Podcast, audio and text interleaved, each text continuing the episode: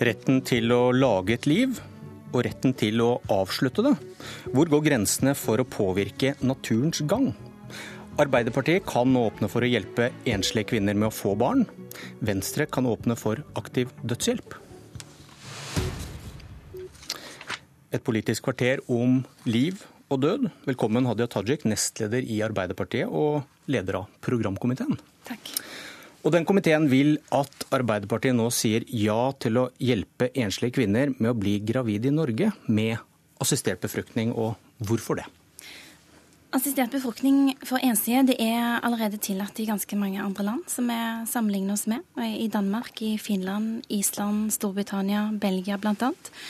Eh, og Helsedirektoratet de påpeker òg at antallet norske damer som drar til utlandet for å få assistert befruktning, eh, øker. Nå nærmer vi oss 1000 personer i året. De som drar, er ofte veldig ressurssterke damer.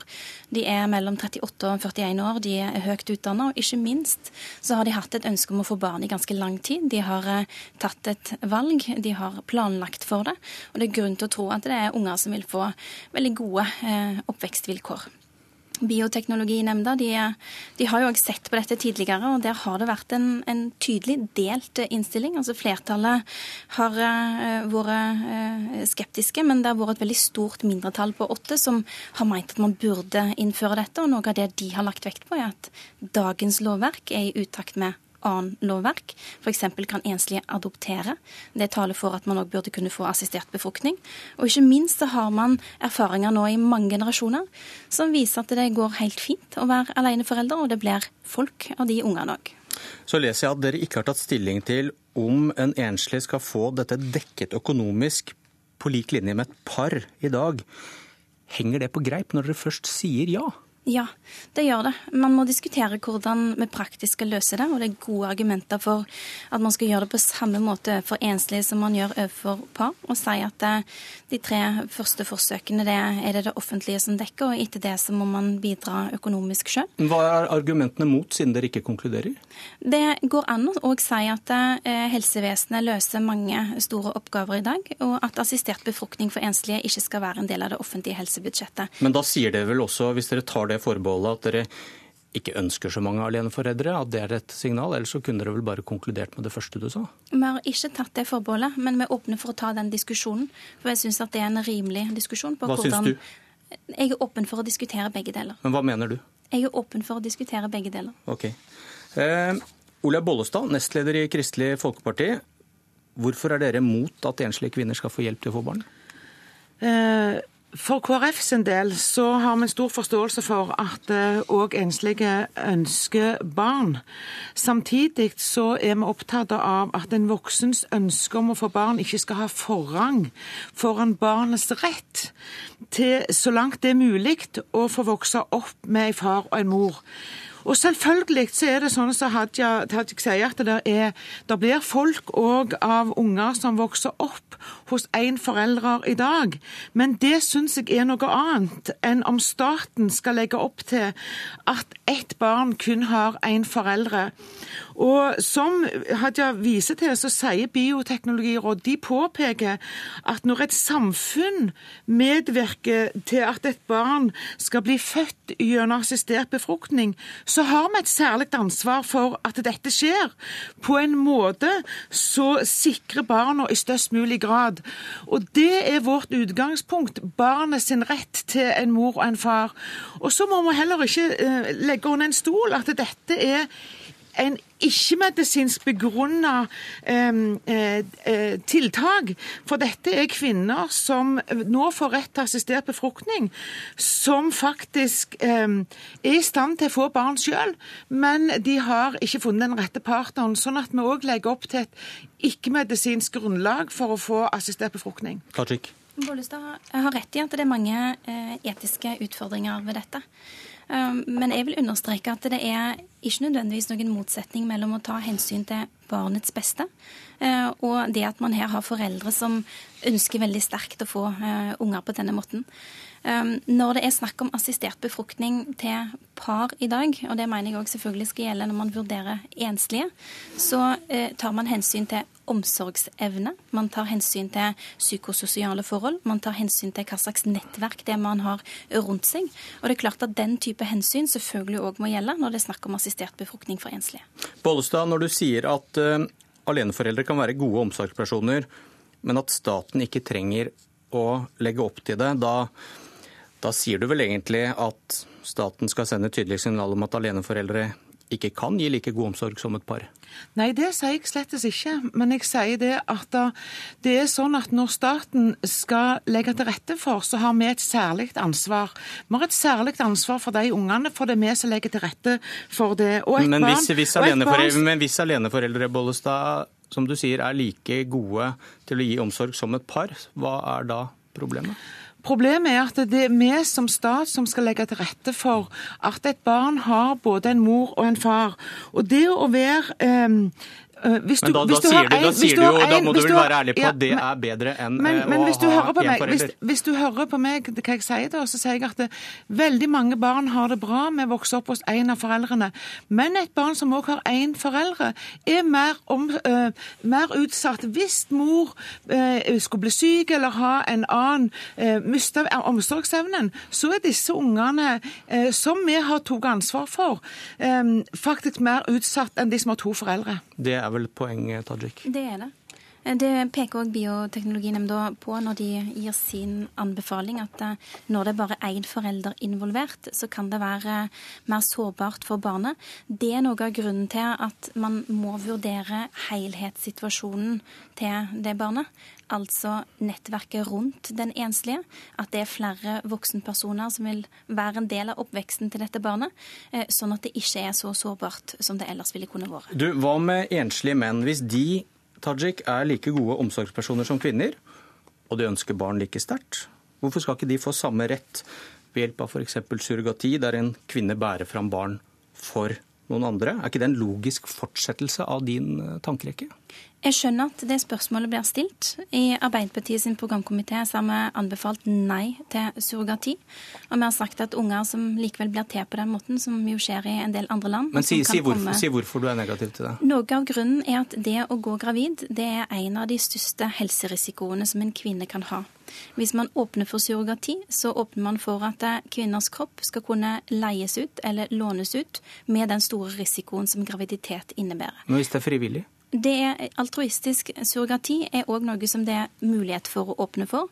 Altså at man på vegne av en venninne eller en eh, søster eh, tilbyr seg å være eh, surrogatmor. Men ulempen ved det og faren ved det er at man risikerer å åpne for ganske mye press mellom folk som står hverandre nær. Til slutt, Bollestad. KrF vil regjere med Høyre etter valget, men har en liten åpning for Arbeiderpartiet hvis det ikke går. Hvor, hvor viktig blir denne type saker for hvem dere kan samarbeide med? Ja, nå legger jeg jo merke til at eh, både eh, Arbeiderpartiet, men det er òg prosesser i andre partier hvor en diskuterer disse spørsmålene. Eh, Høyre og Senterpartiet er nok de som står nærmest KrF i akkurat disse verdispørsmålene. Og disse spørsmålene for vår del eh, er sentrale spørsmål, for det er spørsmål hva vilkår vi ønsker å legge for eh, framtidige generasjoner. Og for oss er dette et sentralt spørsmål. Det var om retten til å lage liv. Nå skal vi snakke om retten til å dø.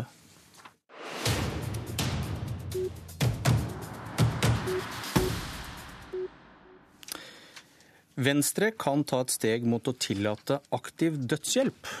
Og Da håper jeg døra går opp, og inn kommer Abid Raja og Tord Hustveit, begge fra Venstre. Og Hustveit, du er leder i Unge Venstre og med i Venstres programkomité. Og hva er det flertallet i komiteen eh, nå går inn for?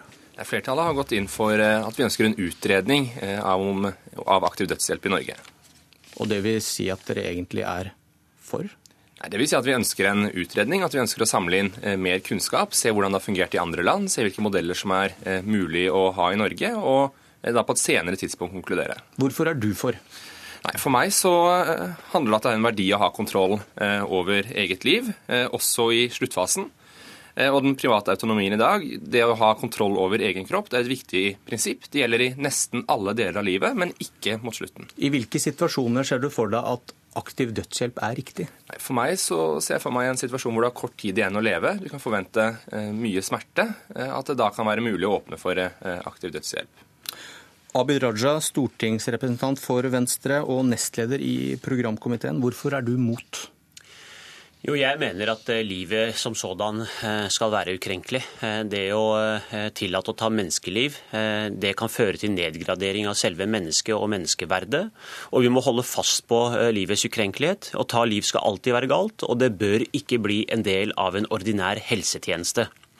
Og så skal det, det å ta liv, det, jeg mener det bør ikke bli normalisert. Eh, det bør ikke bli organisert og institusjonalisert, og det bør ikke gjøres legitimt. Hva, hva, så, hva er konsekvensene hvis man går dit? Ja, det, noen argumentene kan jo være at det kan være både en, en utglidning, selv om man lager stramme rammer for dette. Det kan også føre til misbruk. Men det vi vet er at uh, mange syke mennesker uh, i uh, slutten av sitt liv kan ofte føle seg til bry for sine pårørende.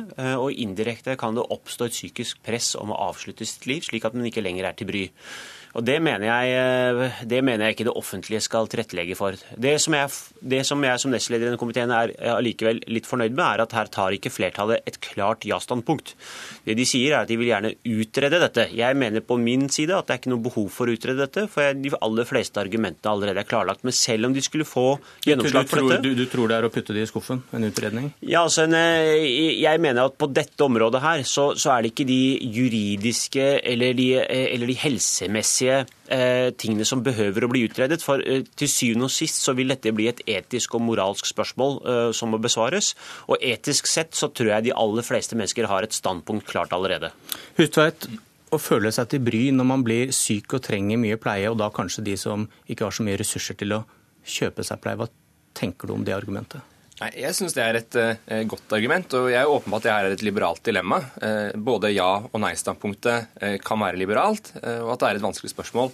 Men så syns jeg det eh, Tybry-argumentet er et av argumentene som taler for at man trenger en utredning. Eh, hvis man går gjennom forskningen i dag og ser eh, hva sier forskningen om det, så er den ikke entydig. Men hva skal dere finne ut da hvis dere ikke har forskning på det? Nei, Da kan man få en drøfting av det, se hvilke, hvordan det har fungert i andre land. Man har også sett, Hvis man går til Oregon, da ser hvem er det som får dødshjelp i Oregon, så er ikke det lavt utdanna folk med lite penger. Det er folk med helseforsikring som får palliativ behandling, og som er høyt utdanna og velinformerte når de velger å motta aktiv dødshjelp. Det, er, det er, en del spørsmål her. Altså, når, du, når, man blir alvorlig syk, så kan man også oppleve Mange opplever psykiske vanskeligheter med sykdommen. Eh, og den, det å være, takle sykdommen sin på en, på en, god måte kan være en utfordring.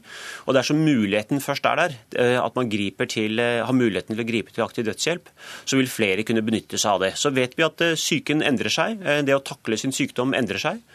Og det er mange eldre mennesker som føler også at de er til bry for eh, sine nærmeste, og ektefeller særlig, som kan være til bry for, eh, for, eh, for sine nærmeste. Ikke bare sine ektefeller, men også for sine barn. At man blir en belastning. Dersom man først har den muligheten åpen, så vil man heller verken være til belastning, men ikke minst kan den omsorg og empati som vi viser til mennesker, nære familiemedlemmer som, som lider, det kan fort gå også over en glidende overgang til at man man helst skal slippe dette. og Hvis først muligheten er der, så kan det bli et sorteringssamfunn hvor det er nettopp de eldre og mest syke og de mest ressurssvake som ender opp med, å, ja, ender opp med å bli institu okay. institusjonalisert tatt livet av. Det er, det er bevegelse i liberal retning i Høyre og Arbeiderpartiet når det gjelder å lage barn, som vi snakket om før i dag. Frp har tidligere argumentert for aktiv dødshjelp, nå flere i, i Venstre. Tror dere Norge i denne type spørsmål, liv og død, vil kun bevege seg i én retning, mot stadig mer liberalisering?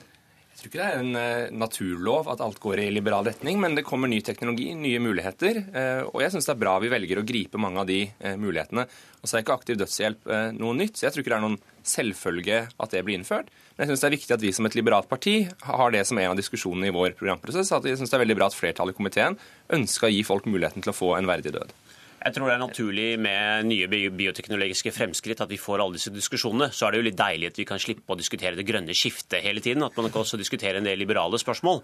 Og det at mange partier diskuterer dette, er et, er et sunnhetstegn. Men jeg mener at vi skal bidra gjennom den forskningen vi får, til å fremme liv, til å legge til rette for liv.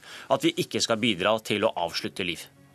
Vi avslutter Politisk kvarter. Takk Abid Raja og Tord Hudsveit. Jeg heter Bjørn Myklebust.